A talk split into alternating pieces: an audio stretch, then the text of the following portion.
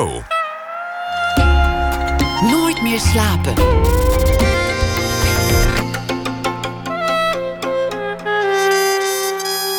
Met Matthijs Deen. Ja, inderdaad niet met Esther Naomi Pekwin. Die is er over twee weken weer. Welkom bij Nooit meer slapen. Volgende week is het uh, 100 jaar geleden dat de stijl werd opgericht. De kunstbeweging rond Theo van Doesburg, Piet Mondriaan en Gerrit Rietveld. Verschillende musea vieren dat, onder meer het Stedelijk Museum in Amsterdam... waar we na ene een rondgang gaan maken. En Verloop van jaren. Dat is een documentaire over een jaar uit het leven van schrijver en dichter Remco Kampert. De maker John Albert Jansen is ook de gast in onze rubriek Open Kaart. Maar tegenover mij zit nu Rinus van der Velde, beeldend kunstenaar uit Antwerpen. Goedenacht. Goedenacht. Ja, um, voordat ik. Uh, je zit hier omdat er een uh, grote expositie is uh, in een zaal van, een, van je werk in het gemeentemuseum in Den Haag. Gaan we zo meteen over hebben. Maar je had gisteren de opening van die tentoonstelling. Ja. Um, ja, meestal is het zo dat als er een feestje. Als je zelf een feestje geeft, dan. Dat is echt voor iedereen leuk, behalve voor jezelf. Heb je dat ook? Ja, dat klopt helemaal. Dat is zeker het gevoel met die openingen. Ik bekijk dat altijd als, als een soort trouwfeest of zo. Een trouwfeest is ook nooit leuk, heb ik gehoord. Dan moet je gewoon alleen handen schudden en korte praatjes maken. En dan eigenlijk wil ik zo snel mogelijk naar huis. Ik ben dan gisteren nacht thuisgekomen, nog wat sigaretten in mijn atelier gerookt en dan deze morgen gewoon terug beginnen werken. Ja. Omdat het daar toch over gaat, denk ik. Ik doe het niet voor die openingen. Ik ben altijd blij als er volle komt natuurlijk. En dit zijn speciale avonden, maar ik ben liefst van al gewoon in mijn atelier aan het werken. Gaat het dan in Nederland heel anders dan in Vlaanderen? Ja, dat is wel opmerkelijk eigenlijk. Uh, in Nederland is het toch allemaal iets strakker georganiseerd. Zo. En uh, meer op uitnodiging. Uh, privater, denk ik. Terwijl als ze in België er toch nog proberen meer een feest van te maken. um, wat dan niet altijd dat wordt in Nederland niet eens geprobeerd. Ik weet het niet, ja. Allee, het is natuurlijk... Ik heb nu ja, die opening gehad in het SMAK en nu in het gemeentemuseum, dus ik kan... Het SMAK is in Gent, hè? Ja, en daar was het toch iets meer feest. Maar uh, ja, ben ik toch ook vroeg naar huis gegaan eigenlijk. Ik uh, ga je voor de mensen die je nog niet helemaal kennen even voorstellen. Je bent beeldend kunstenaar, je woont in Antwerpen. Je maakt vooral tekeningen met houtskool. -hmm. Maar niet zomaar tekeningen. Ze zijn levensgroot, hè, meters bij meters. Ze zijn van de afstand bezien bijna fotografisch realistisch. Maar als je dichtbij komt, voltrekt zich op uh, een of ander moment iets eigenaars. Dan worden ze zo goed als ab abstract. Ja. Uh, want je staat er dichtbij.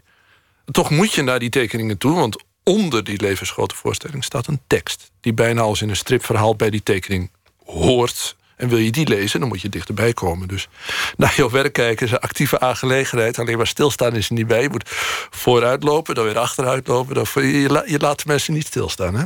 Nee, ja, dus vind ik belangrijk dat je mijn werk niet in één oogopslag kunt uh, consumeren, zal ik maar zeggen. Hè? Dat je het kunt zien en uh, kunt denken, oké, okay, ik heb het gezien. Dat er echt een actieve beweging moet zijn. Hè? Dat je, zoals je net zei, van, dat je die tekst moet gaan lezen en dan ook terug stappen naar achter moet doen om, om het beeld te zien. Eigenlijk een beeld dat zich nooit helemaal laat vangen. En dat is ook natuurlijk de manier waarop dat ik het zelf ook maak in het atelier. Ik ja, maar dat, er, dat bedacht ik me ook. Want je moet dus ook zelf je bent ook, uh, je, je, hebt een goed getraind lichaam. Je, ja. je, hebt een, uh, zeg maar, je loopt enorm veel. Ja, altijd naar voren en naar achteren om te kijken. Je staat er met je neus op natuurlijk. Hè, ja. Op vijf centimeter is de streepjes aan trekken.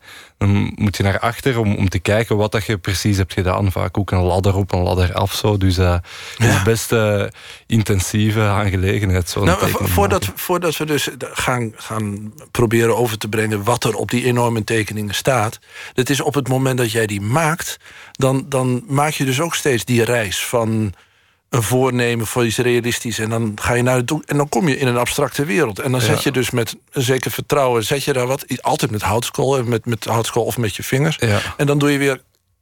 Dus dat, je gaat, jij maakt ook steeds die sprong in het diepe. Ja, absoluut. En ook ja, in dat onbekende, denk ik. En in die abstractie ook zo. Dat gaat heel hard, het is heel belangrijk dat dat tekeningen zijn. Anders zou ik foto's tonen. Hè. Uh, het is, ergens heeft het een soort documentair karakter, denk ik wel, in mijn werk. Of als je het van versie heeft het iets realistisch. Of doe het denken aan... Krantenfoto? Soort, ja, krantenfoto of een zwart-wit ja. ja. document uit een archief of zo. Ja. Maar als je dan dichterbij komt, zie je wel nadrukkelijk dat dat een getekende werkelijkheid is. En ook een fictieve werkelijkheid. En dat is belangrijk. En daarom wil ik geen foto's tonen, omdat die te veel zouden verwijzen ook naar een echte realiteit of zo. Hè. Het gaat, uh, heel je vindt het belangrijk, je vindt het belangrijk dat mensen zien dat het dat het iets anders is dan de realiteit. Absoluut, ja, omdat het ook, het is heel verhalend, hè, zoals je al zei, met de tekst erbij. En die verhalen zijn eigenlijk uh, ficties, hè, ficties die ik verzin in mijn atelier om mijn leven wat spannender te maken. Dus ik, eigenlijk zie ik heel mijn werk als een soort uh, fictieve autobiografie. Hè, een leven dat ik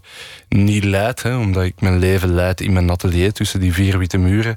En uh, daar de tijd heb en de fantasie ook heb om, om een aantal uh, narratieven uit te denken. Zo. En, ja. Dus je, je, je bedenkt verhalen in je atelier en die verhalen, die, dat is echt de motor voor je creativiteit. Ja. En die breng je op tekeningen die, waarvan het van belang is dat je ziet dat het inderdaad fictie is. Absoluut, ja, omdat het zeker niet de bedoeling is om iemand in... Uh, ja, in de war te brengen of zo. Hè. Het is nadrukkelijk fictief. Als je een tentoonstelling van mij binnenkomt, weet je dat je naar een verhaal uh, staat te kijken. Net zoals dat je een roman leest, dat je ook weet dat je een roman aan het lezen bent. Je kunt er wel in meegaan natuurlijk, hè, maar het is... Het is niet de bedoeling om iemand uh, op een verkeerd been te zetten, bijvoorbeeld. We gaan, we gaan nu. De, de, ik probeer het nog iets duidelijker te maken. Want de, het is nu duidelijk dat je dus enorme grote tekeningen maakt. Echt van, nou ja, wat, het, soms zijn er echt nou, soms wel drie, zo, sommige tekeningen zijn ja, drie bij zes. Of uh, nu in het gemeentemuseum zijn het iets kleinere ja. werken. Klein is relatief. Hè. Ik denk dat de grootste daar meter 70 op 2 meter 40 is of zo. Ja, ja. nou dat is toch nog levens echt en levensgroot. Um, maar dat het levensgroot is, dat, dat, dat komt het wel ten goede dat je, dat je het gevoel hebt dat het, je wordt er meer bij betrokken, neem ik aan. Ja, ik heb altijd gedacht, um, als ik die figuren op die tekeningen ook levensgroot teken, dat je daar een directere relatie mee kunt uh, aangaan. Anders ja, is het meer zoals kijken naar een boek of zo, of in een magazine. Of, ja. um, ja, als Smurf. Met de, ja, absoluut. Ja, of, ja, ik, denk, ik ga er langer bij stilstaan. En ik denk ook dat de tekenkunst vaak in de geschiedenis is beschouwd geweest als een medium in de marge, als een soort ja. schets voor de, voor de schilderkunst. Maar ik wil die... Een soort oefening. Ja, absoluut. Ja. ja. of een soort dagboekfragment, of een, ja, een schets in een schetsboek. En ik wil die eigenlijk autonoom maken. En een van die... Um, dingen om een tekening autonomer te maken, is natuurlijk de schaal opblazen en ja. de echt uh, aanwezig te maken. Zo. Dus. Nou, de, de, de, die, die zaal, ik kom zo nog terug op die zaal. De gemeentemuseum die hangt dus uh, echt helemaal vol. Ja. Je, je, het, uh, met, met die tekeningen. En het is de, ze, ze horen bij elkaar. Ja, uh, je hebt ze speciaal voor de zaal gemaakt, waar ze hangen. En ze vertellen, mits in goede volgorde bekeken, een verhaal. Ja. Uh, en het draait, zoals dat soms gaat in verhalen, om een verzonnen hoofdpersoon. Ja. En die hoofdpersoon, zoals dat gaat in echte kunst, kan je niet loszien van zijn maker. En dat ben jij dan. Ja, uh -huh. Dus um, uh, als je die zaal op de goede plek binnenkomt, dan kijk je naar die eerste. Dat is, die, is, die is gelijk een van de grootste. En daarin, daarin zie je dat, dat de verzonnen hoofdpersoon, dat is Isaac Weiss, ja. die uh, verbrandt zijn atelier. Die verbrandt de schepen achter zich. En die. Um, en vanaf dat moment ontspint zich een verhaal. En dat verhaal dat zie je dan op al die andere grote tekeningen. Ja. Je hebt ze speciaal gemaakt voor die zaal. Um, dat wil zeggen dat op een gegeven moment het gemeentemuseum jou vraagt: van kom eens langs, kijk eens naar die zaal. Is dat een spannend moment? Dat is eigenlijk een van de leukste momenten. Of het moment waar ik het meeste energie van krijg als die uiteindelijk vragen: ja, wil je hier een tentoonstelling maken? Omdat dan natuurlijk de potentie in zich heeft van allemaal nieuw werk. Zo, hè. Um, en daar word ik eigenlijk... Uh, ja, krijg ik het meeste energie van, om, omdat ik dan denk, oké, okay, ik kan mijn verhaal uitbreiden. Hè. Ik kan uh, meer werk maken en ik, kan, ik heb een plek om, om dat te tonen. Dus uh, dat vind ik altijd een ongelooflijk uh, gevoel. Zo. En daarom wil ik ook graag op, op maat van die zaal iets maken, zo speciaal voor, voor het gemeentemuseum eigenlijk. Ja. ja. Maar en, en als je dan zo'n zaal binnenloopt, waar kijk je dan naar? Wat... wat... Ja. Wil je zo'n zaal overmeesteren? Ja, ik kijk vooral naar die architectuur en naar uh, de hoogte en de breedte van de muren. En, uh, Hoeveel kunnen erin? Voilà, ja, omdat ik het nogal moeilijk vind om... Um, ja, ik heb het moeilijk met een soort leegte of zo. Omdat ik geloof dat het, met het soort werk dat ik maak... dat het geen zin heeft om, om uh, drie werken te tonen of zo. ik wil dat verhaal vertellen en dat houdt in dat ik eh, een aantal tekeningen nodig heb om een verhaal zich te laten ontwikkelen of zo. Dat, dat lukt me niet in, uh, in maar enkele werken die heel minimaal aan de muur zouden hangen. Maar kan je je voorstellen dat iemand denkt van, nou, het is, eh, je, van, je vindt niet schilderijen. Dan ben je op een gegeven moment in het atelier van kunstenaar. Ja. Bedoel, dat gaat al terug naar de 16e eeuw. Dan heb je van die stukken. Of je bent bij een verzamelaar. En dan ben je daar binnen en dan, dat is zo, en dan is overal overal ja, staan. Ja. helemaal, zeg maar, de wand is helemaal bedekt met, met schilderijen. In feite is dat ook iets wat jij graag wil, of niet? Ja, dat is uh, ja, een soort drang dat ik heb um, ja, om, om, die, om die ruimte te vullen. En natuurlijk niet alleen met die tekeningen. Ik probeer van elke tentoonstelling een soort installatie te maken. Ja. Dat je in een soort andere realiteit binnenkomt. En die tekeningen zijn daar één onderdeel van. Maar toon ook sculpturen en um, ja, nu in het gemeentemuseum geschilderde achtergronden. Dus ik probeer een soort uh, ja, zelfs fictieve werkelijkheid te maken of zo, van een tentoonstelling.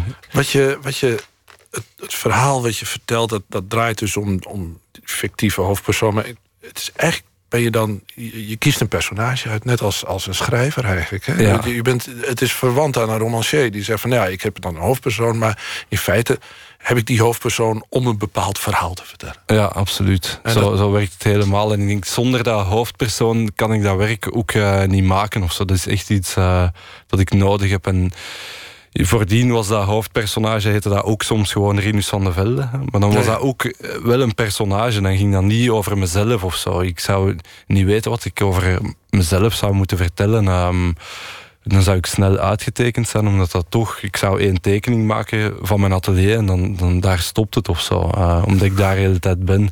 Dus daarom denk ik, ja, ik kan maar beter een soort alter ego verzinnen of een, uh, een karakter verzinnen die, die van alles kan meemaken of zo. En dat geeft mij altijd een gigantische vrijheid om...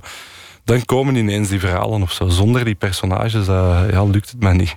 Dit is, um, je had in ik, moet ik aan denken, moest ik ook aan denken toen ik dat zag en toen ik dat hoorde dat je, dat, uh, dat je op die manier werkt.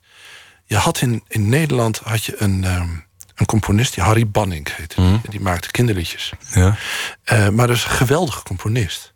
En Hans Dorrestein, zelf ook een, een uitvoerende. Hans Dorrestein, die kende hem goed, heeft goed, veel met hem gewerkt. En die zei: Banning kon alles. Hij kon componeren, alleen hij had wel eerst een tekst nodig. Ah, okay. Zonder die tekst kon hij niet componeren. En Ja. hij zei dat was de onvolkomenheid van het genie. Ja, ja, ja. Kan je er iets bij voorstellen? Dat, is het zo dat jij dat verhaal nodig hebt om... Ja, ik denk... Ik heb het wel over onvolkomen, maar ik heb het ook over genie, hè? Ja, ja, ja, nee, nee, nee, ik ben absoluut niet geschoffeerd of zo door je vraag. Maar uh, ik denk dat dat de manier is waarop dat ik naar kunst kijk. En ook al heel mijn leven naar kunst kijk. Omdat ik ben beginnen naar kunst te kijken pas op mijn zeventiende of zo. Dat, dat me dat echt iets deed. En uh, dan ben ik eerst heel veel beginnen lezen en uh, proberen... Uh, kunst te begrijpen aan de hand van een aantal biografische gegevens of zo van de kunstenaar. Of, uh, mm -hmm. En ik merk nu nog altijd als ik naar een museum ga dat ik heel snel naar het titelbordje loop en om te zien van wie dat het is, om dan dat werk te plaatsen in een soort geschiedenis of zo. Dus ik merk dat ik verhalen nodig heb om dingen te plaatsen in een stru soort structuur. En ik kan heel moeilijk gewoon naar een werk uh, kijken, naar puur autonoom werk en en daar iets bij voelen, dat is toch meer iets rationeel bij mij. Weet je, dat, het, dat vind ik zo geruststellend. Hè? Ja. Want als ik, als ik, dat heb ik. Ik heb altijd het idee dat ik er gewoon geen verstand van heb. Ja. Dat ik mijn eigen smaak niet kan. Dus ik loop altijd ook eerst even naar kijken wie het gemaakt heeft, wanneer. En zo, hoe heet ja, het? dat, ja. En dan, maar dan voel ik mezelf altijd een beetje van, nou, dat, als een soort onvolkomenheid inderdaad. Van, ja, dat, je, had het, je moet het gewoon als een kenner. Je moet gewoon van afstand blijven staan. En dan... Ja, dat leerden ze ook ons op school, door gewoon te kijken en te kijken wat dat je dan ziet. En dan...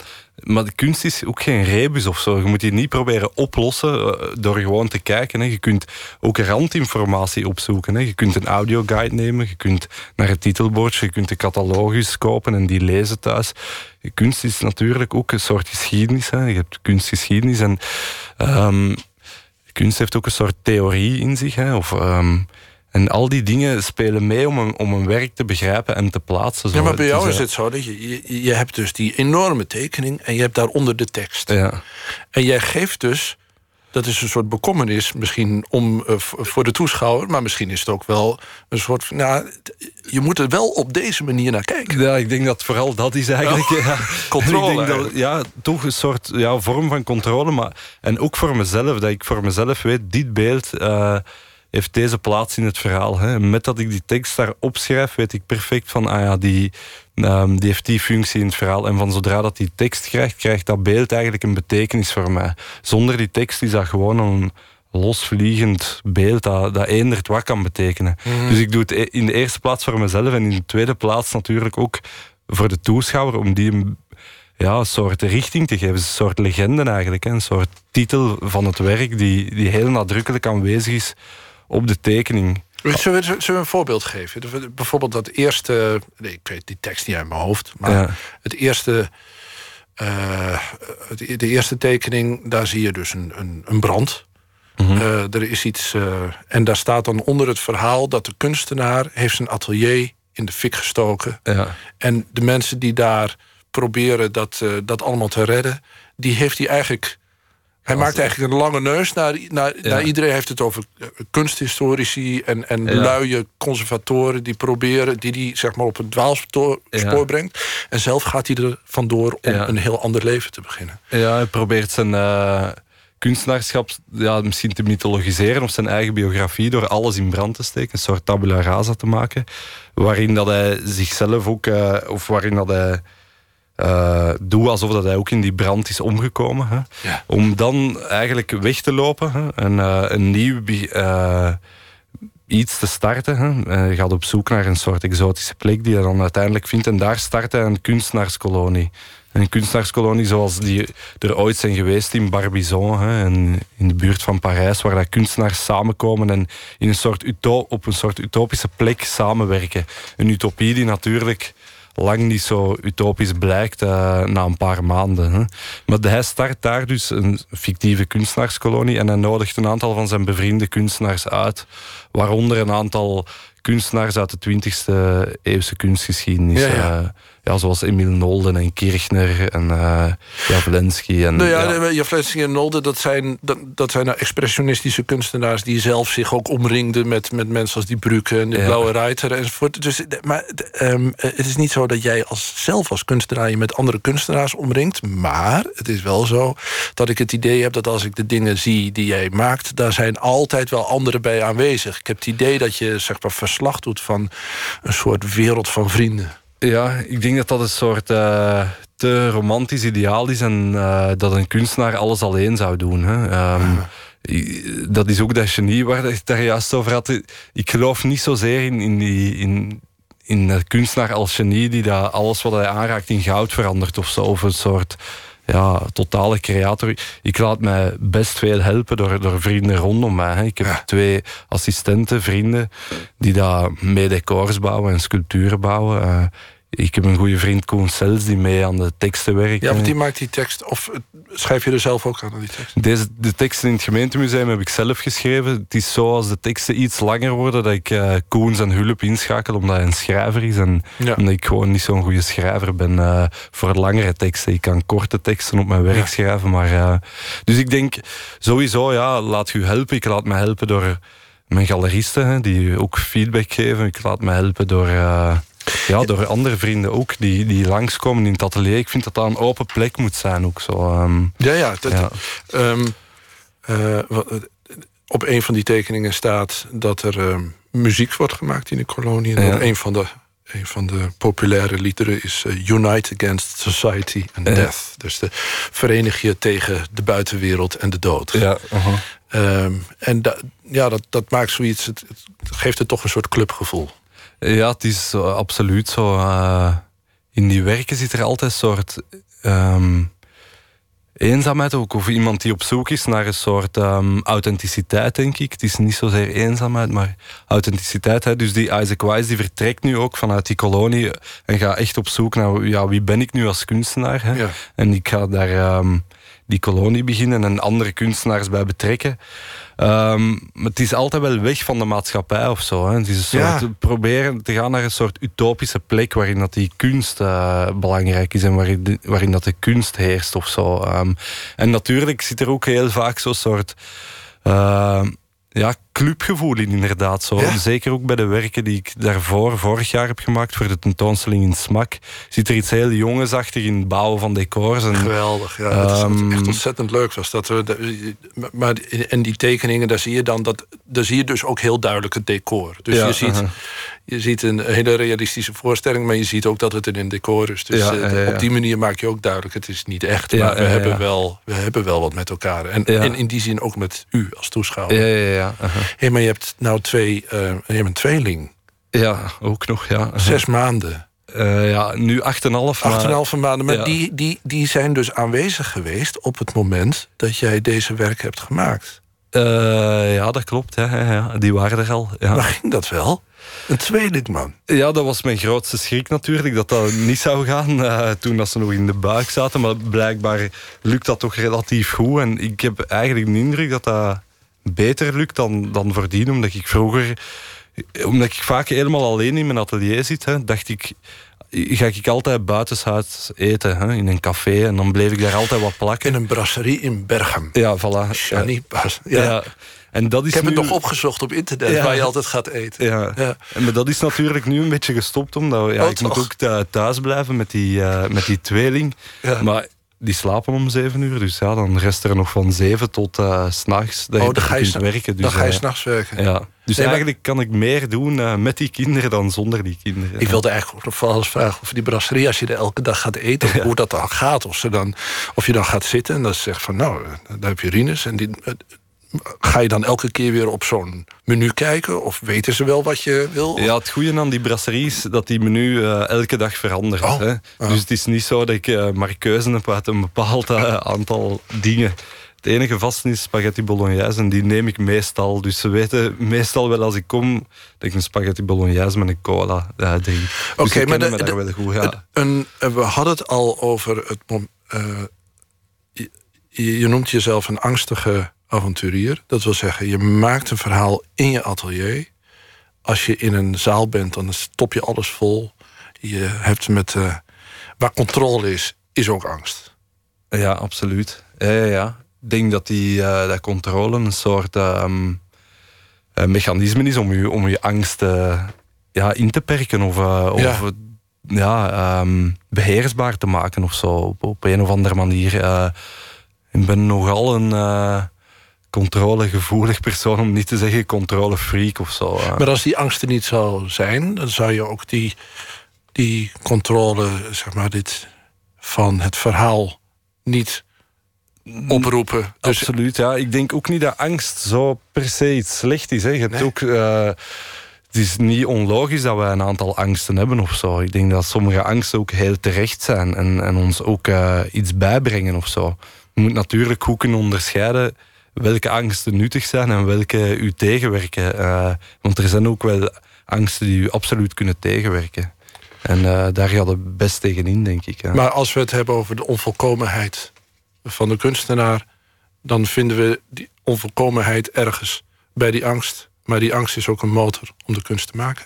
Absoluut, ja. Die gaat, dat gaat hand in hand. Ja. Dat is een motor en ook een onvolkomenheid. Maar van zodra dat je weet dat het een onvolkomenheid is, kun je er wel iets aan doen, denk Ja, ik. Ja. Het wordt pas gevaarlijk als je niet meer beseft dat het een onvolkomenheid is. Ehm, ja. Maar, want want ehm, eh, we moeten gaan afsluiten. ja. Maar in ieder geval, jij hebt Isaac Weiss bedacht om een verhaal te maken. ja. De tekeningen zijn er. Isaac Weiss is reëel geworden. Maar dan moet je ook weer afscheid van hem nemen. Dan wordt het ook tijd om hem weer de deur te wijzen. Ja, absoluut. en dan komt er iets nieuws.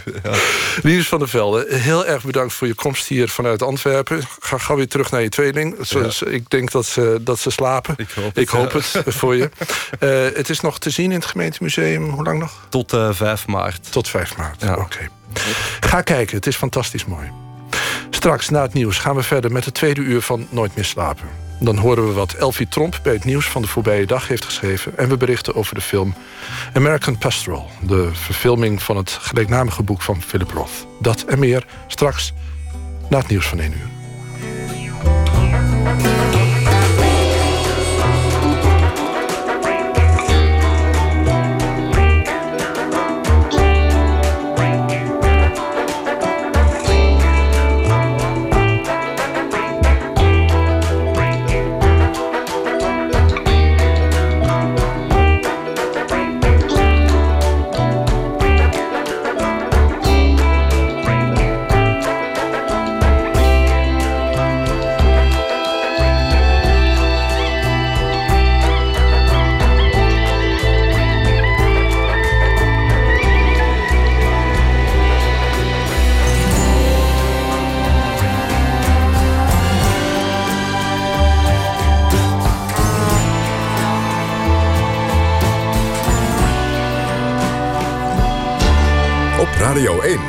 Nieuws van alle kanten.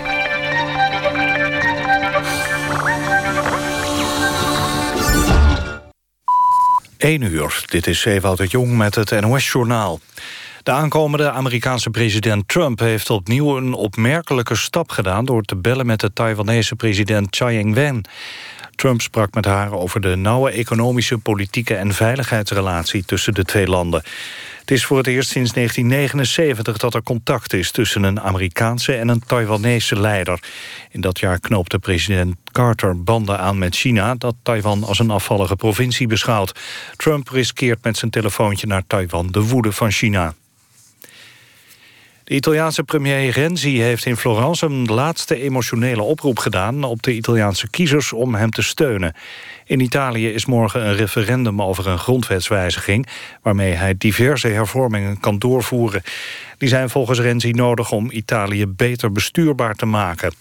Als zijn plan wordt uitgevoerd, zegt hij, kan Italië uitgroeien tot een van de sterkste landen in Europa paar maanden geleden zei hij dat hij zou aftreden als het nee zou worden.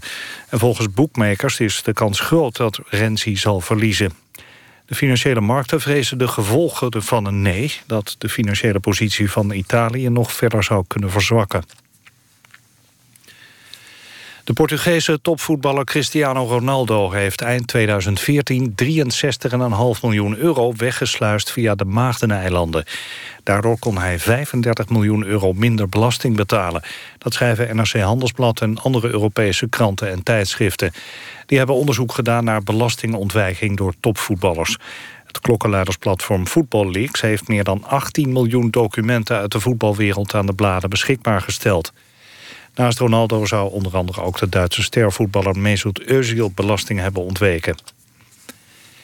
Het weer, vannacht droog met wat opklaringen. Minimaal landinwaarts rond het vriespunt... met plaatselijk mist en kans op gladheid.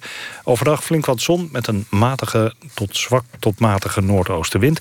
Het blijft droog en het wordt een graad of 7. En vanaf morgen een stuk kouder. Dit was het NOS Journaal. NPO Radio 1. VPRO. Meer slapen.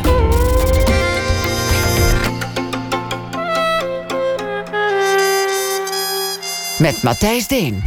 Ja, welkom terug. Uh, volgend jaar is het 100 jaar geleden dat de Stijl werd opgericht. De groep Nederlandse kunstenaars die met een minimum aan kleuren werkte... en met minimale vormgeving. Straks hoort u een verslag vanuit het Stedelijk Museum in Amsterdam... waar een tentoonstelling over de stijl is ingericht. En filmmaker John Albert Jansen komt dit uur langs om te praten over zijn documentaire over een jaar uit het leven van Remco Kampert. Verloop van jaren heet die documentaire. We beginnen met een verhaal bij het nieuws van de afgelopen dag. Deze week verzorgd door Elfie Tromp. Guru en Underdog, dat zijn de twee romans die ze schreef. Rashonden spelen daar een grote rol in, als ik me goed herinner. Ze maakt ook theater en presenteert programma's. Onder meer een waarin ze al rennend joggers interviewt. Ik heb de indruk Goedenacht Elfie, dat je nu ook weer op uh, buiten bent, of niet? oh ja, ik hoop dat je niet zou horen. Maar ik sta inderdaad op een uh, Parijse straathoek een beetje te vernikkelen...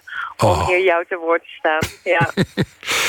nou, vertel, waar, uh, wat, wat, wat, ga je, wat ga je ons Vertel eens. Nou, ik heb deze, ik heb deze week eh, eh, de vrouwelijke president van Zuid-Korea, president Park, eh, ehm, met veel eh, interesse gevolgd en het, eh, eh, het nieuws om haar persoon heen. Ja. Eh, zij treedt wellicht af na felle pro- protesten. En ehm, vooral een Viagra-schandaal is daar eh, centraal gaan staan. Haar eh, departement had eh, allerlei Viagra-pillen gekocht met belastinggeld. En ehm, ik ben meer gaan lezen over haar. En hoe meer ik over haar lees, hoe meer het voelt als een soort karaktermoord die op haar gepleegd wordt. Zij wilde namelijk... ehm, in, in Zuid-Korea kun je maar één term verkiesbaar blijven als president. En ze wilde eigenlijk een tweede term verkiesbaar worden gesteld. Ja. Ehm, en ehm, zodra ze dat eh, in de openbaarheid heeft gebracht... eh, zijn er allerlei schandalen rondom haar persoon en rondom zelfverrijking eh, naar boven gekomen. Wat natuurlijk eigenlijk meer ehm, nou ja, de basis is dan eh, de norm, dan, eh, dan de uitzondering in, eh, in Aziatische landen. En haar slogan was... A new era of hope and happiness for all the people. Dus ik heb een monoloog geschreven vanuit presi- president Park. Oh. En haar visie op wat er allemaal om haar heen is gebeurd. Ga je gang. Goed. Dus hier spreekt vanuit Zuid-Korea president Park. Ik wilde een nieuw tijdperk beginnen. Een van hoop en geluk voor iedereen. Daar bedoel ik dan ook iedereen mee. Ja, ook mezelf. Na de aanslag op mijn moeder, de aanslag op mijn vader, de aanslag op mij, vind ik dat ik wel wat geluk verdiend heb. Stelt u zich mijn gezicht voor. Perfect gesminkt, rimpelloos, zacht als zomerfruit. En daar het uitgedraaide Stanley-mes in de hand van een woedende gek. Glimmend zilver, de zware kwaliteitsvariant van de klusmarkt. Mijn mond spreekt vijf talen. Deze hersenen gaan altijd door. Ik heb een graad in electronic engineering en alles was bijna voorbij in 30 seconden snijplezier. 60 hechtingen en 7 uur onder het mes. En ziet u mijn littekens nog? Nee, want ik doe er alles aan om het leven beter te maken. Voor u en voor mezelf. Kijk, die 360 Viagra-pillen. Ik weet wat u denkt. U denkt seksfeest, boonga boonga. Maar nee, nee, dat is natuurlijk onzin. Er is wel seks, geloof me. Ik sta ook mijn mannetje als het aankomt op dat gebied. Niet alleen gedreven om de leider te zijn, om dit land vooruit te brengen en de president te zijn. Nee, ik wil op elk gebied uitblinken. Dat is het kenmerk van een goede leider. Echte wereldleiders zijn er niet vies van. Kijk maar naar Berlusconi, naar Trump. Grab hem bij de pussy. Zo blijf je jong. Geloof me als ik zeg dat ik geen Viagra nodig heb. Niet daarvoor tenminste. Wat zou een vrouw daar ook mee moeten? Onzin. Nee, ik slik ze wel. Ja, tegen hoogteziekte. Weet u nog dat uitje? Dat uitje naar de bergen? Nou, ik wilde me mooi niet misselijk voelen. Afijn, u zult me wel niet geloven. De meute luistert niet. Ze schreeuwen dat ik weg moet. Ze zeggen dat ik ze niet hoor. Dat ik er niet voor hun ben. Maar ik hoor ze wel. Gillen en krijsen. Ik luisterde niet, want ik was bezig met hoop. Hoop en geluk. Voor iedereen. Afijn, dat tijdperk is nu voorbij. Ik geef alles op. Ik leg mijn lot in, het handen, in de handen van het parlement. Ja, de waarheid heeft het moeilijk, hè? Nou, ik kan niet wachten tot de biografie uitkomt. Dat verhaal van haar, van haar levensverhaal, echt, zoek het op op Google, want eh, je gelooft je ogen niet. Het is zo fascinerend. Dus ik kan ook niet echt een eh, stelling voor of tegen nemen tegen deze vrouw. Het is een te rijk eh, verhaal, levensverhaal. En ik hoop ook echt dat er een goede, goede film uitkomt. Want dan zit ik met een bakje popcorn vooraan. Oké. Nou, heel erg bedankt voor, deze, voor dit verhaal voor deze week, Elfie Tromp. En heel veel genoegen en warmte ook in Parijs. Ik eh, ga me weer warm drinken, dus dat komt helemaal in orde. Oké. Goeiedag. Oké. Dag. Dag. Ja, voor het eerst sinds eh, 2005 is er weer een nieuw studioalbum van de Rolling Stones. Blue and Lonesome. Het bevat eh, twaalf covers van bluesnummers uit de jaren 50 en 60. Onder andere Hate to See You Go van Little Walter.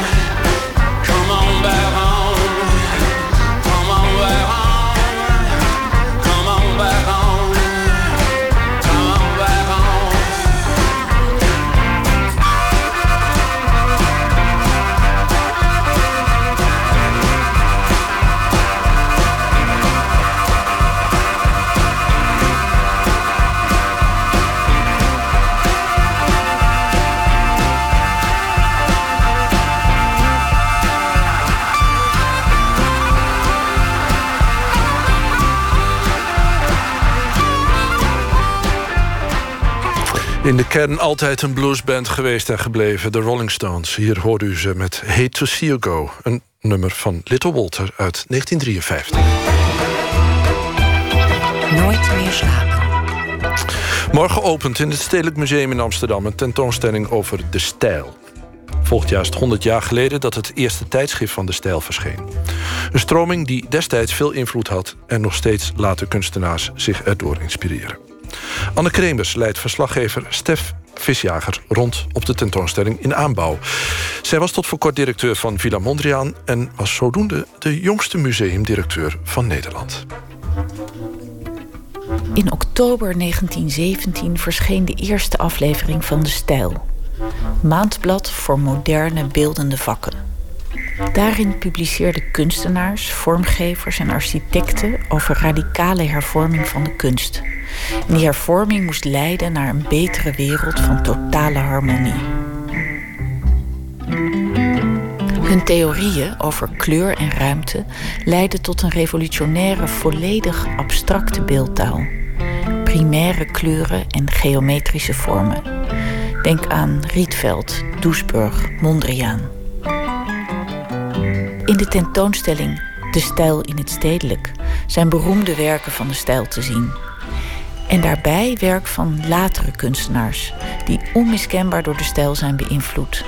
En dat zijn er veel, van over de hele wereld. Een bijzonder grote invloed voor een klein land als Nederland. Achter Anne Kremers aan loop ik door de zalen van het Stedelijk Museum waar de tentoonstelling in opbouw is. Anne Kremers was tot voor kort de directeur van Villa Mondriaan.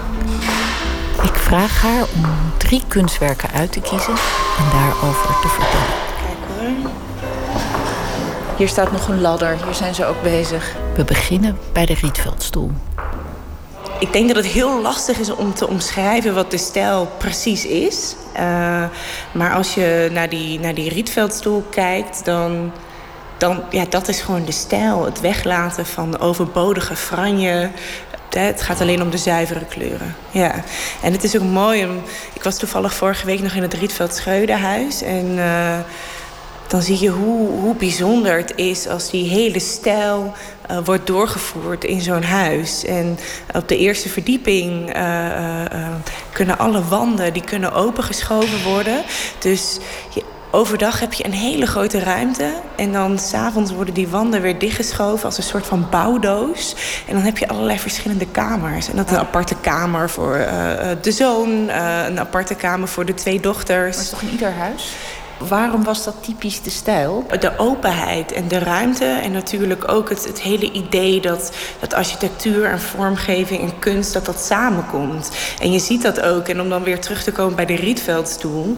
ja, die, die, die hoort daar gewoon. Hè. De, de, het hele meubilair van, van Rietveld... Dat, dat, dat, dat hoort gewoon in dat huis. En de verschillende kleuren vlakken. Uh, de manier dat hij net even achter de, de, de deurklink... dat hij het daar blauw heeft gemaakt. Omdat het daar normaal gesproken heel snel vies wordt. Het, het is zo aan de ene kant praktisch... en aan de andere kant zo vernieuwend en revolutionair... dat ik vind het ook best wel lastig om dat precies te omschrijven... waar dat dan nou in, in zit. Maar Um, het, het, bewijs is denk ik dat als je vandaag de dag nog naar, een, een, een, naar, naar de Rietveldstoel kijkt... of naar een neoplastisch schilderij van uh, Mondriaan... is dat het nog steeds modern aanvoelt. Het is niet, het is, mensen begrijpen het nog steeds niet helemaal... of kunnen het nog steeds niet helemaal vatten of precies vertellen waarom het nou zo is. En dat vind ik heel erg nou ja, intrigerend. Laten we naar een, uh, een volgend schilderij lopen. Ja, dit is, uh, dit is een werk van Theo van Doesburg. Um, en uh, de stijl uh, werd opgericht in 1917. En dat was uh, nou, in het midden tijdens de, de, Eerste Wereldoorlog. En eigenlijk zag je dat de hele kunstwereld op zoek was naar vernieuwing. En, en naar een, een nieuwe manier van leven. En juist die, die strijd, dat je, dat je iets nieuws zoekt... en dat je die passie hebt, dat je daar zo in gelooft... dat, dat hè, waar, waar de stijl dan bijvoorbeeld mee bezig is... een, een, een nieuwe manier van denken, van een nieuwe manier van kunst en uiteindelijk op die manier een nieuwe samenleving creëren. Uh, uh, daar waren die leden, die, die hadden daar natuurlijk ontzettende discussies met elkaar over. En daar hoort ook ruzie bij. En uh, uiteindelijk... Hoe die samenleving er dan uit moest zien. Ja, ja, ja. En in welke vormentaal je daar dan voor gebruikte. En de grootste botsing was tussen Mondriaan en Van Doesburg. Omdat Mondriaan ervan overtuigd was dat je alleen rechte lijnen kon gebruiken. En op een bepaald moment introduceert Van Doesburg ook een, een, een, een schuine lijn. Een, een, um, een diagonale lijn, jeetje. En um, ja, dat kon absoluut niet. Volgens Mondriaan, dat kon niet. En uh, daar hadden ze ernstige ruzie over. Um, echt maar... ruzie of discussie? Weet je dat? Nee, wel echt ruzie. Dat ging wel echt... Uh... En uitte zich dat dan in het blad, de stijl? Of in nou, briefwisselingen? Ik, ik, ik weet het van brieven, um, uh, dat, het, dat het er heftig aan toe gaat. Dat ze elkaar ook een tijdje niet meer gezien hebben. Um, Vanwege de diagonaal? Ja, ja, ja. Maar dat, kijk, iedereen die doet er dan lacherig over. Maar ik vind het heel mooi dat, uh, uh, dat zij zo in hun, hun theorieën en in hun kunst geloofden... dat ze daar echt, echt tot... Nou, ernstige ruzie met elkaar over konden maken.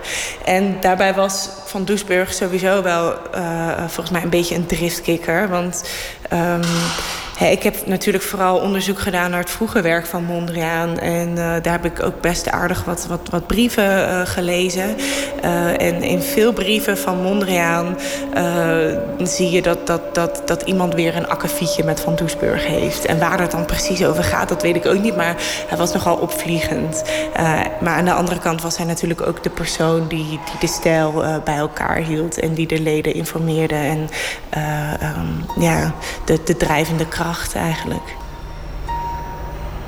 Oké, dus we staan hier nu voor een schilderij dat heet... Infected Mondrian. Van een kunstenaarscollectief. Ja, en, General Idea. Ja, precies. En uh, uh, nou ja, bekend is dat eigenlijk na uh, hè, toen, toen Mondriaan in Parijs ging wonen, dat hij, dat hij de kleur groen niet meer gebruikte. En het is altijd een beetje discussie of, het, of hij dat nou echt verafschuwde, hè, of hij de natuur nou echt verafschuwde, of dat hij er gewoon verder van wegging. Maar hij is wel begonnen met die natuur. En het schilderen van, van het landschap. in zijn vroege schilderijen zie je dat groen eigenlijk de hoofdkleur is. Het is heel interessant dat dan dat kleurenpalet zo verandert dat hij één kleur eigenlijk helemaal niet meer gebruikt. Um, wat, wat ook heel interessant is, en dat is ook... Mondriaan is bijvoorbeeld altijd realistisch blijven schilderen. Hij, heeft bijvoorbeeld altijd bloemen getekend en geschilderd. En uh, daar is ook heel veel discussie over. Deed hij dat nou omdat hij dat echt heel interessant vond om te doen? Of um, deed hij dat om toch geld te verdienen? Want die bloemen die verkochten behoorlijk goed. Uh, dus als we naar de stijltentoonstelling gaan, zien we uh, de abstracte werken van Mondriaan waarmee we uh, bekend zijn. En natuurlijk, die bloemen die hangen daar niet tussen, maar die maakten die ook in dezelfde periode. Dus dat ja, wordt in tentoonstellingen ook om een verhaal natuurlijk duidelijk te maken, een, een, eenzijdig beeld van een, van een kunstenaar gegeven. Um, en dat is ook heel logisch. Maar hij heeft dus ook in zijn latere jaren, waar wij alleen maar de abstracte schilderijen van kennen. Daarvan zijn, uit die tijd zijn er ook nog steeds landschappen en bloemen. Nee, geen landschappen, maar wel bloemen. Met name grisanten. En, uh... Met groene steden? Nee, niet met groen. Nee, nee, dus daar gebruikte hij de kleur groen ook niet. Nee, nee. Maar goed, dus dit schilderij, die General Idea... dat ziet eruit als een... Uh, nou ja, de stijlschilderij. Behalve dat er één hoekje in plaats van geel... of tenminste waar je normaal mm -hmm. geel zou verwachten, groen is. Ja, ik denk dat Mondriaan dit niet, uh, dit niet prettig had gevonden als hij dit zou zien. Nee. Weet jij uit welk jaar dit is? Kunnen we even kijken? 1994. Ja, dus dit, want in deze tentoonstelling is dus ook in alle zalen te zien wat er, ja, hoe de stijl alle kunst nog steeds beïnvloedt en over de hele wereld beïnvloedt. Ja, ja. En dat is ook heel mooi en logisch eigenlijk. Ja. ja, hoewel ik ook dacht toen ik het zag... ja, maar kun je nou zeggen dat iedereen die met primaire kleuren werkt... dat die door de stijl is beïnvloed? Was er niet voor de stijl ook al mensen die met primaire kleuren schilderden? Ja, ik denk dat, iedere kunstenaar vandaag de dag wel weet wat, uh, wat de stijl is. En in hoeverre dat dan invloed heeft op, op zijn of haar werk, dat weet je niet. Dat weet de kunstenaar zelf misschien ook niet. Uh, maar hier zie je wel een aantal hele letterlijke uh, vertalingen. En dat, dat is natuurlijk ook, ook mooi om te laten zien aan het publiek. Ik doe altijd, als ik bij een tentoonstelling ben, dan zeg ik tegen mezelf: Goh, nou, als ik er één mee naar huis mag nemen, dan is dat die, welke zou dat voor jou zijn? Oei, lastig. Wat ik het mooist vind in het museum is meestal niet wat ik, wat ik thuis uh, aan, aan, de, aan de muur zou willen hebben hangen. Um, maar dan zou ik natuurlijk toch een, een, een, een, een late Mondriaan mee naar huis nemen. Dat is wel logisch. Zoiets als waar we nu voor staan. Bijvoorbeeld, ja, een ruitvormig uh, schilderij met uh, wit, met twee zwarte strepen. Maar dat kan niet, want die had ik al uitgekozen. Ah, lastig.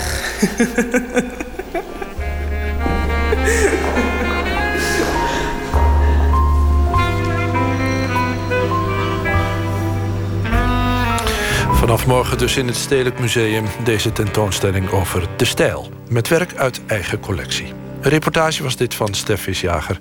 Met veel dank aan Anne Kremers voor haar rondleiding. Ja, het afgelopen jaar bleef het stil rondom de Amerikaanse singer-songwriter Sharon Van Etten. Vandaar dat we nu teruggrijpen op haar debuut Because I Was In Love uit 2009. Dit is For You.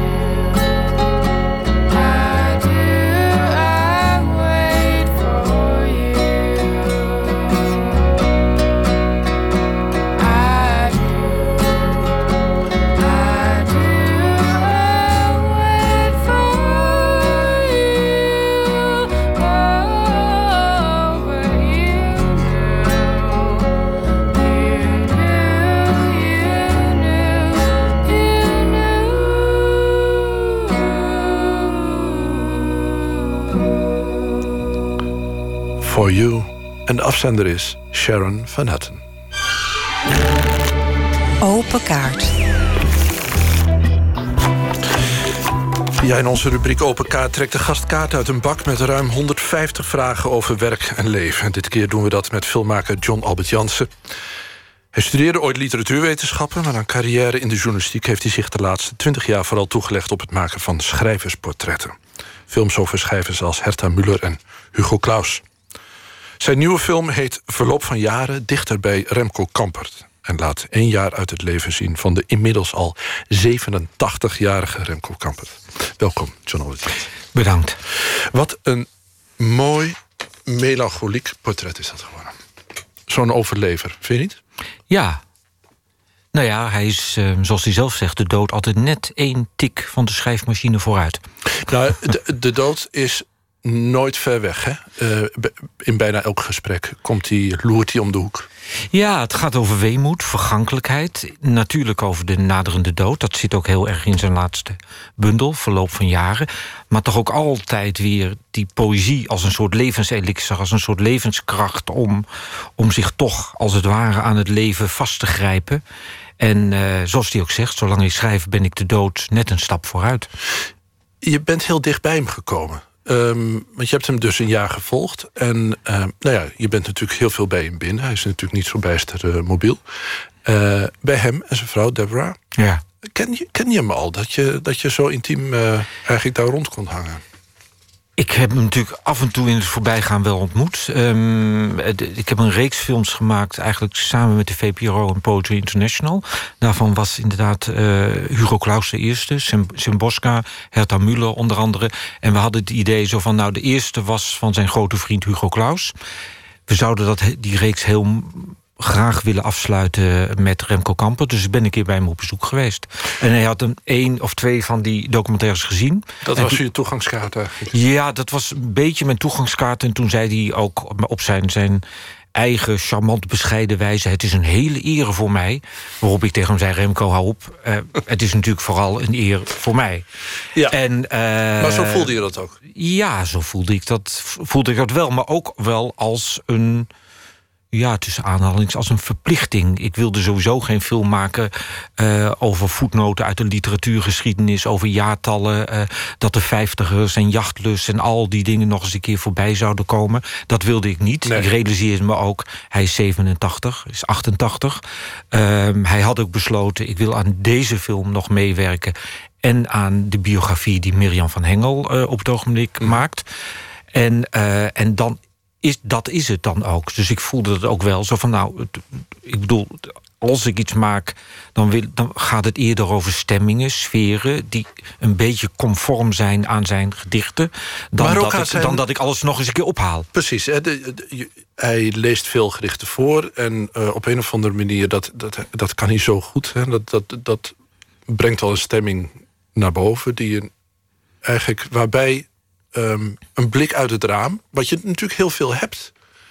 Als je het huis niet uitkomt en voor het raam zit te roken. Waarbij dat op zich al echt een, een, een mm. hele beladen... Maar kom je me ook nabij? Want zelfs Deborah zegt... ja, je blijft voor mij, en Deborah is een vrouw... Ja. je blijft voor mij een raadselachtige man. Ja, eh, eh, ik bedoel, hij zegt zelf ook op een gegeven moment... Uh, in een scène in het Vondelpark tegen, tegen zijn dochters... ja, uh, misschien ken je mij alleen maar door mijn poëzie. Want zijn dochter klaagt zo van... ja, vroeger wilde ik je leren kennen... maar toen zei je zo van, lees mijn poëzie maar. En toen was ik een puber en toen zei ik zo van... ja, maar dat kunnen al mijn vriendinnen kunnen je poëzie ook lezen. Precies, ik wil bijzonder voor je zijn. Ja, ja, ik wil bijzonder voor je zijn. En dan zegt hij ook een beetje schaapachtig... ja, een mens leer je die ooit kennen. Zo ja. van, hè? Ja, dat wat eigenlijk een soort ja, um, een dooddoener is, toch? Ja, maar ik bedoel, bij hem is het wel... wel op een bijna ultieme manier zo dat hij, dat hij toch, toch al zijn ervaringen, al zijn stemmingen in de poëzie stopt. Alsof, alsof hij als het ware dat hele corpus aan ervaringen bewaart en nodig heeft om daar gewoon deze bundels van te schrijven. En dat dat ook een soort scheidslijn is. En dat hij wellicht in het dagelijks leven, dat zegt hij zelf ook, eigenlijk heel verlegen en onhandig is. Dus wat, wat, hij, wat hij je weerhoudt, wat hij je onthoudt in het in de dagelijkse omgang, dat geeft hij in de poëzie. Ja, dat, ja, zo kun je dat zeggen. En dan is in de film, en dat, dat, dat is toch wel wat ik, wat ik probeer te doen in de meeste films, is de poëzie is een heel mooi vehikel om een soort reis te maken door een oeuvre door wat er in iemands hoofd zit, door een, uh, door een landschap, maar ook door een geschiedenis. In het geval van Herta Müller was dat uh, haar ervaringen onder Ceausescu. Mm uh, in de, Hugo Claus was die Vlaamse klei waar hij uitgetrokken was. De poëzie is een heel mooi vehikel om dat te doen. Dus ik noem het ook vaak niet zozeer portretten. Of het woord poëtisch, daar moi, heb ik ook een beetje moeite mee. Het, ik bedoel, dan wordt het al heel snel in een soort reservaat gestopt. Mhm. Het zijn echt meanderende reizen door een, in dit geval door een oeuvre, waarbij inderdaad aan het eindje wel kunt afvragen: kennen we hem nou? Wat, wat is er niet gelukt? Uh... Wat wilde je en wat lukte niet? Want je hebt van alles met hem meegemaakt. Hij kreeg de prijs van Nederlandse letteren. Hij werd opgenomen in het ziekenhuis. Je, je ziet de top en het dal. Ja. Ja. Maar ja, dat is natuurlijk, uh, dat zijn grote gebeurtenissen. Maar is er ook iets wat, wat niet gelukt is? Nou, ik, ik denk dat wat niet gelukt is, is meestal achteraf een zegen. Um, we wilden eigenlijk nog veel meer met hem doen. Misschien nog wel met hem naar Parijs gaan of, ja. of naar Antwerpen of, of dit of dat. Maar het leven wordt eigenlijk steeds enkelvoudiger. Een jaar geleden trad hij voor de laatste keer op met Benjamin Herman. Uh, de saxofonist. De saxofonist. En uh, daarna werd hij toch wel de keren dat we er daarna waren, was hij na tien minuten of een kwartier al moe. Ja. Bleek dat hij toch een soort longontsteking had. Hij belandde in het ziekenhuis. Ja, en het leven wordt steeds enkelvoudiger. En we zijn in dat ritme meegegaan. En ik denk dat dat achteraf eerder een zegen is geweest. Nou ja, wat in ieder geval nooit gelukt zou zijn, is zo'n zo'n kaartenbak met hem. Hè? Want op een gegeven moment dan zit uh, Deborah en hij bij elkaar en dan hebben ze het over van kennen we elkaar eigenlijk wel en passen we wel bij elkaar. En op een gegeven moment dan zegt hij al heel gauw van nou. Wie past er wel? Precies, en het is nou wel weer mooi geweest. Ja. Nou. Precies. hey, uh, eens een kaart. Ja? ja we, we, zijn er aan toe? Ja, we zijn er al. Ja. Misschien is dat toch ook een idee voor een film... om uh, op een gegeven moment ook een kaartenbak uh, te trekken. Wat wil je absoluut nog meemaken? Of nog maken? Oh, nog mee, meemaken is misschien nog wat anders. Uh, Oeh. Ja, dat, ik ben nu bezig met een, denk ik, heel bijzondere film. Uh, dat is over Edgar Hilsenraad. Die heeft een boek geschreven, De Natie en de Kapper. En mhm. dat gaat om de omkering van alle waarden. Uh, de, de, het goede en het kwade. Um, maar dat is, dat, is iets wat, wat ik op dit moment probeer te rechercheren. Um, ik heb ergens in mijn achterhoofd een film waarbij ik, die ik onmogelijk alleen kan maken. Want ik produceer en maak eigenlijk bijna alle films zelf. Uh, ook om autonoom te zijn en, en het een beetje in mijn eigen hand te houden. Maar dat zou een internationale productie zijn. En dat is een film uh, over, uh, ook over liefde en overgave. En, en dat zou een film zijn over Miles Davis. Ja. Maar dan niet een biografische film, maar over zeven muziekstukken en zeven mensen over de hele wereld, van Japan tot Afrika en de Verenigde Staten, die helemaal idolaat zijn van dat ene muziekstuk. Waarbij op de achtergrond eigenlijk een beetje à la Canto Ostinato, die, die film, waarbij het echt vanuit, vanuit de, de overgave en de liefde voor, voor die muziek uh, gaat. Maar dat zou eigenlijk een andere genre film zijn... waarin je veel meer ook uh, met buitenlandse producenten in de ja, wereld je hebt gaan. Het, je zei, die gaat ook over liefde en overgave. Wat ja, gaat er dan ook nog... Ik bedoel, nou, is dat een, een centraal thema? Is dat iets wat je altijd najaagt in je film? Ja, ik, ja nou, bedoel... Het gaat in eerste instantie toch over stemmingen en sferen. En, en, en niet zozeer over, over meningen en jaartallen. Ik bedoel, kijk, ik had vorig jaar een stuk geschreven, een beetje kritisch stuk tegen het ITVA... waarin ik zei zo van nou, dit jaar wordt het wereldleed weer per strekkende meter uitgerold. En het is een beetje de gezeling van het nu, de gezeling van de actualiteit. En ik zei zo van alsjeblieft een, uh, een mespuntje poëzie. Ja, ja, zei ja. vorig jaar. En daar heb ik hopelijk met deze film een beetje aan bijgedragen. Ja, maar dat is, wel, dat is wel een soort credo. Zo van eh, ontroering. Proberen ontroering te brengen. En soms zit dat maar even in een blik. Is dat in één moment. Maar de poëzie en, en, en de compositie, ritme, vorm, comp, eh, compositie is ook engagement. Je moet nog een kaart trekken. Wil je dat doen? Oké. een van de laatste. Wanneer laat je iemand vallen? Mijn god, dat is eh, heel moeilijk om daarop uh, antwoord te geven. Um, ik was afgelopen week in Deventer. En daar, uh, daar draaide de film. Dat was mijn oude 90-jarige moeder. En daar heb ik uh, ter herinnering uh, een soort lezing gehouden over twee oude vrienden. Dichters, waarvan er één zelfmoord gepleegd heeft. Omdat hij de clown in hem niet kon weerstaan. En een andere die tijdloze gedichten maakt. En nou, hiermee ontwijk ik het antwoord, geloof ik. Ja, want je hebt um, geen, ik neem aan maar, dat je zowel je moeder als die twee vrienden niet hebt laten nee, vallen. Nee, nee. Dus, dus ik vind, het eigenlijk heel erg. Maar je, het, het, het, je denkt er wel aan. Dus nou, of hebben ze jou laten vallen? Of, uh, ik bedoel, waar... Nee, Nou, dat, nee, nee, nee, in het geheel niet. Dat, dat was, was echt een soort herinnering. Nee, maar en het als, was ook kijk, een soort als tribuut. Een, als een vriend zelfmoord pleegt, mm -hmm. dan kan je misschien het idee hebben: hij heeft me laten vallen. Ja, dat was in dit geval niet. Ik bedoel, het, we zagen het inderdaad wel aankomen. Dat was Nico Slothouder, Houwer, dus 30 jaar geleden. En, uh, maar iemand laten vallen. De mens, mensen gaan een totaal andere weg op een gegeven moment. En, ja. en ik merk wel vaak. Er zijn natuurlijk wel vrienden uit, uit mijn vroegere tijd. Het IJsserland, hoe je het kent, dat ene woord genoeg, Deventer... die zo'n totaal andere weg zijn ingegaan... dat je dat ook op die manier zou kunnen zien. Ja, dus, uh, ja maar dan, dan gaat er iets verloren. En dan gaat er eerder iets verloren. Dan ja. hebben we het hier weer over het mespuntje ontroering. Ja, ja, ja, precies. Maar dat is toch uiteindelijk waar je altijd naar streeft. Ja, en, ja, en, uh, en, en, en als zo'n jeugdvriend... Uh, zelfmoord pleegt, ook al is het 30 jaar geleden... Mm. is dat iets wat altijd bij je blijft? Ik bedoel, ja. je denkt er nu nog steeds aan. Ja, ik vond ook dat ik uh, een aantal van zijn gedichten moest voorlezen... wilde voorlezen. En, uh, en die andere vriend, die...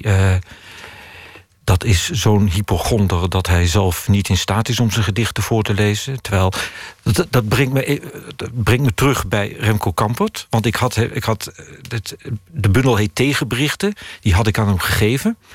En die had ik bovenop zijn stapel gelegd. En hij heeft het nu al drie keer uitgeciteerd in zijn wekelijkse column. Oh, kijk aan. dus, nou, dat is uh, toch heel mooi. Het antwoord op het laten vallen... dat er komen alleen maar antwoorden op van mensen die elkaar vasthouden... en niet laten ja, vallen. Dat, ja. is een, uh, dat is mooi. Dat is weer een mespuntje ontroering. John Laten we het daarop houden. Heel erg bedankt. 2016 is een verwarrend jaar geweest... schrijft de Amerikaanse muzikant Drew Holcomb op zijn website. Heeft het jaar voor ons samengevat in het nummer Wild World.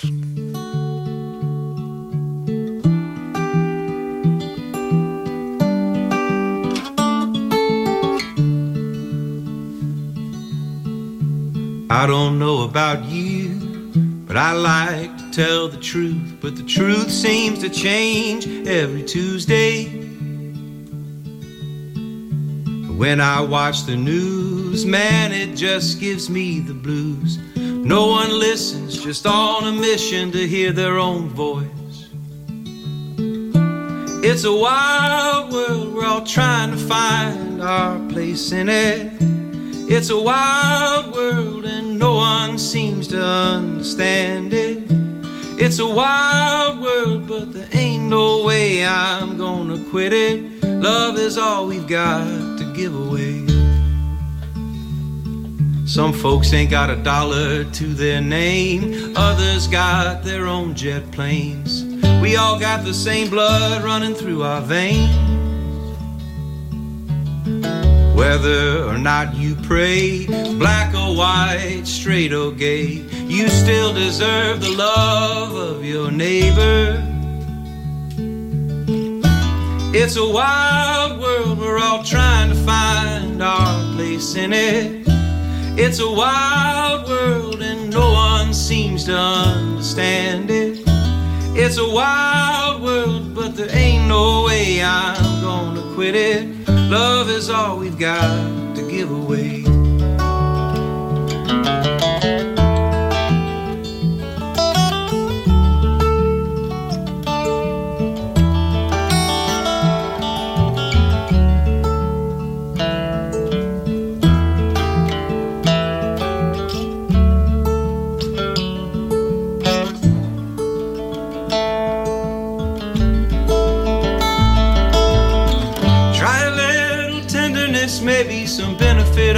Doubt.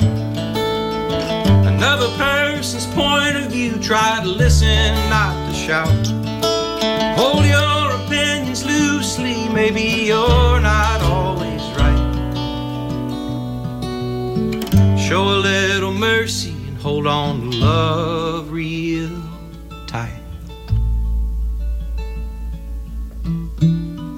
It's a wild world, we're trying to find our place in it. It's a wild world, and no one seems to understand it. It's a wild world, but there ain't no way I'm gonna quit it. Love is all we've got to give away. Love is all I've got to give away. Love is all we've got to give away.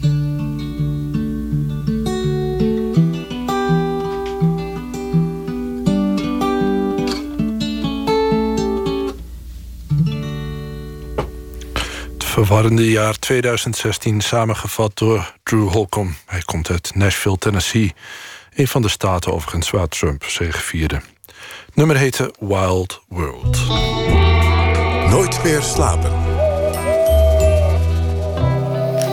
Sinds gisteren draait de film American Pastoral in de bioscoop. Een verfilming van het gelijknamige boek van Philip Roth. Het is het ambitieuze regiedebuut van acteur Ewan McGregor... die tegelijkertijd ook de hoofdrol vertolkt... als vader in een welgesteld Amerikaans gezin in de jaren 60. Het lijkt geen veldje aan de lucht. Tot de dochter des huizes zich aansluit bij het gewelddadige verzet... tegen de Vietnamoorlog. Verslaggever Luc Heesen zocht uit hoe het publiek op de film reageert. Nou, ik heb eigenlijk helemaal geen verwachting. Het is gewoon een mooie tijd, uh, zo rond half acht. We dachten, we gaan naar de film. Altijd even lekker een filmpje pakken. Ik ben heel erg dol op het boek. Philip Roth is een van mijn lievelingsschrijvers. Ik heb het boek uiteraard gelezen. Het lijkt me heel ingewikkeld om daar een mooie film van te maken. Maar ik verwacht een mooi verhaal over de ontwikkeling van Amerika... in de jaren 40, 50, 60, 70. Ja, ik verwacht een heerlijke relaxed avond met mooie beelden... en uh, gewoon weer een lekker avondje in de bios. Die dochter van hem die gaat een aanslag plegen. En ik ben heel benieuwd hoe dat uh, getoond gaat worden. Twee uur gewoon lekker zitten, dat is al heel relaxed. You want to protest the war. Protest it right here in Old Rimrock. Revolutions don't begin in the countryside. We're not talking about revolution. You're not talking about revolution.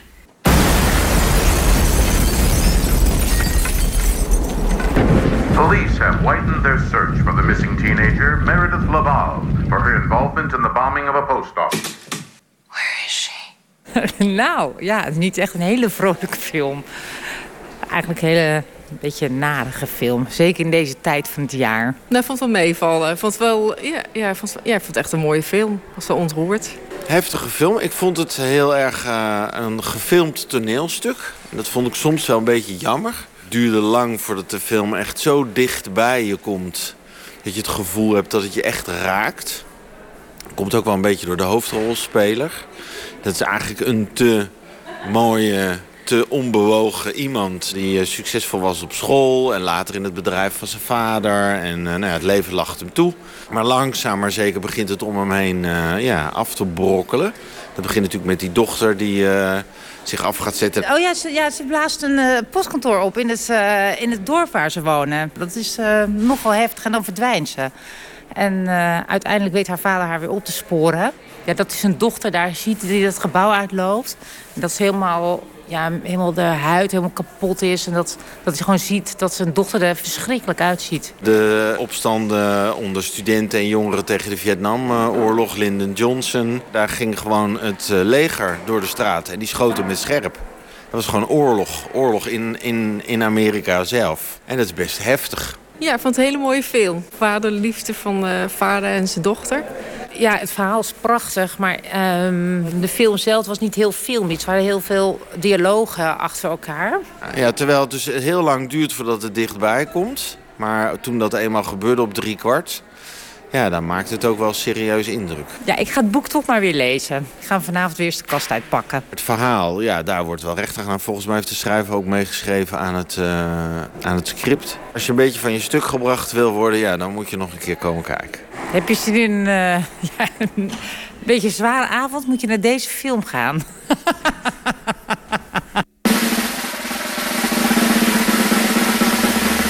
Vier. Drieënhalf. Hij krijgt er wel vier. Ja, hij krijgt er wel vier. Maar het is ook omdat ik zo'n fan van Philip Roth ben. American Pastoral is te zien in elf bioscopen in Nederland. Een bijdrage was dit van Luc Heesen. Ja, zoals de naam al doet vermoeden... maakt de Cinematic Orchestra muziek die je filmisch zou mogen noemen. De Londenaren hebben een nieuwe single uit. To Believe.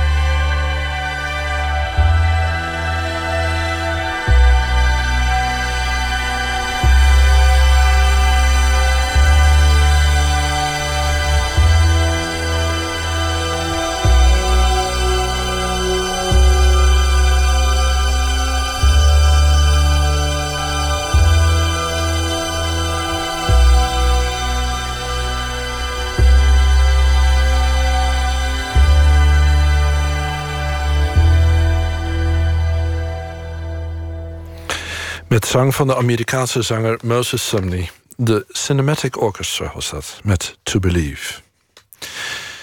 Sluit af met poëzie van Edward van der Vendel.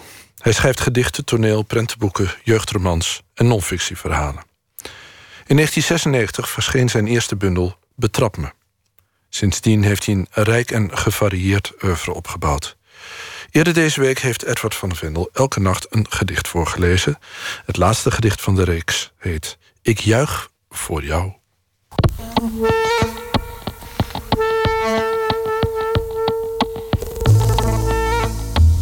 Ik juich voor jou. Ik juich voor jou omdat je de spoed van je spieren hebt weten te temmen. Omdat je al die dagen van training geduldig vulde met leren te racen en leren te remmen. Omdat wat ze zeggen dat spelen is, net zo vaak vervelen is. Omdat je wachten moet voordat het prachtig wordt. En het wachten duurt lang en het prachtige kort.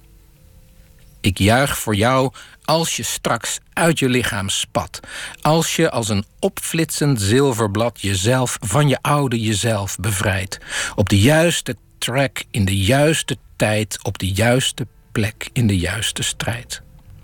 En daarna juich ik dus voor jou als je niet kunt geloven waarin je toch steeds had geloofd. Daarna juich ik voor jou en voor het gejuich om je hoofd. Voor de zon die er zijn zal en jij daarvan de vonk. Voor heel onze hartslag en jij daarvan de bonk. Maar ook als je ooit de windhoos niet vindt. De windhoos van binnen waarop je dacht te vertrouwen. Als je valt, als je faalt, als het verflauwen begint.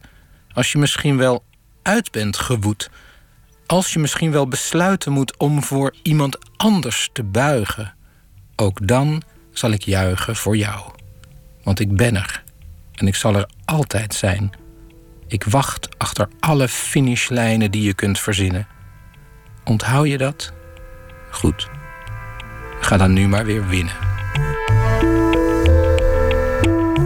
Dit is het uh, titelgedicht. Ik juich voor jou uit de gelijknamige bundel. En die bundel is ontstaan omdat ik uh, tekeningen van, van de Duitse kunstenaar Wolf Elbroeg kreeg. En ik kreeg een tekening waarop een klein haasje op de uiterste punt van een duikplank staat. Met een heleboel wachtende, een beetje ontevreden kijkende dieren achter hem. En ik dacht, joh, dat kleine haasje, ja, daar zou ik eigenlijk voor willen juichen. En toen dacht ik ook aan, aan, een aantal vrienden van me die, die sporters en zelfs topsporters zijn. En over de enorme dagen van verveling, van toewijding die ze hebben moeten opbrengen om uiteindelijk in een heel, heel kort tijdsbestek iets te doen, wat ook nog eens heel vaak mislukt. Ik vind het ongelooflijk hoe iemand zijn leven zo kan toewijden voor één klein moment. En wat voor elke sporter geldt, hebben we ook weer in, in Rio gezien afgelopen zomer, dat je ook zomaar de verliezer kunt zijn. Waar iedereen eerst trots op was en dan een heleboel mensen niet meer. Dus vandaar dit gedicht, Ik juich voor jou. Ik juich voor jou omdat je de spoed van je spieren hebt weten te temmen. Omdat je al die dagen van training geduldig vulde met leren te racen en leren te remmen. Omdat wat ze zeggen dat spelen is, net zo vaak vervelen is. Omdat je wachten moet voordat het prachtig wordt en het wachten duurt lang en het prachtige kort. Ik juich voor jou als je straks uit je lichaam spat. Als je als een opflitsend zilverblad jezelf van je oude jezelf bevrijdt. Op de juiste track, in de juiste tijd, op de juiste plek, in de juiste strijd. En daarna juich ik dus voor jou als je niet kunt geloven waarin je toch steeds had geloofd. Daarna juich ik voor jou en voor het gejuich om je hoofd. Voor de zon die er zijn zal en jij daarvan de vonk. Voor heel onze hartslag en jij daarvan de bonk. Maar ook als je ooit de windhoos niet vindt. De windhoos van binnen waarop je dacht te vertrouwen. Als je valt, als je faalt, als het verflauwen begint. Als je misschien wel uit bent gewoed. Als je misschien wel besluiten moet om voor iemand anders te buigen. Ook dan zal ik juichen voor jou. Want ik ben er. En ik zal er altijd zijn.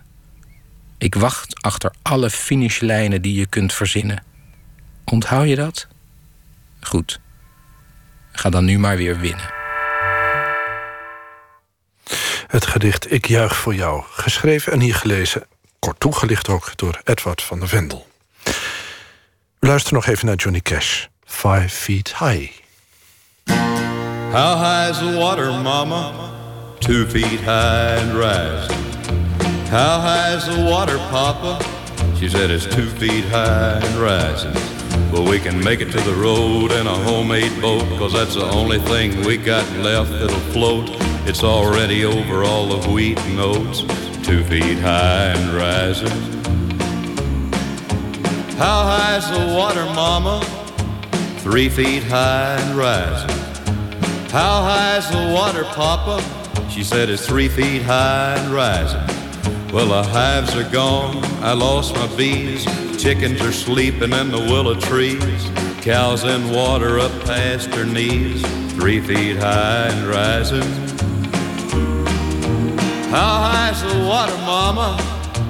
Four feet high and rising. How high's the water, papa? She said it's four feet high and rising. Hey, come look through the window pane. The bus is coming, gonna take us to the train. Looks like we'll be blessed with a little more rain. Four feet high and rising. How high's the water, mama? Five feet high and rising. How high's the water, papa?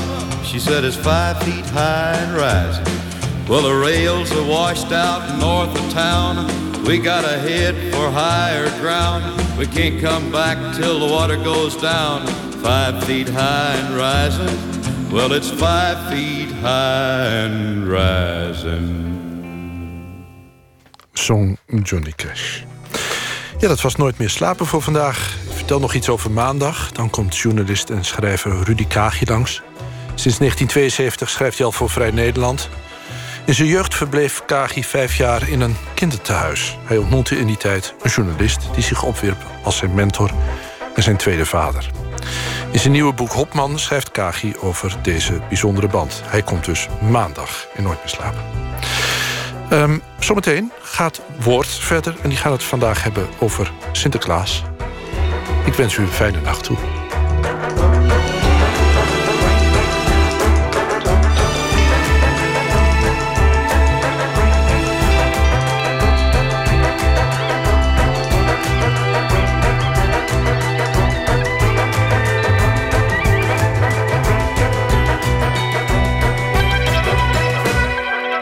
Radio 1, het nieuws van alle kanten.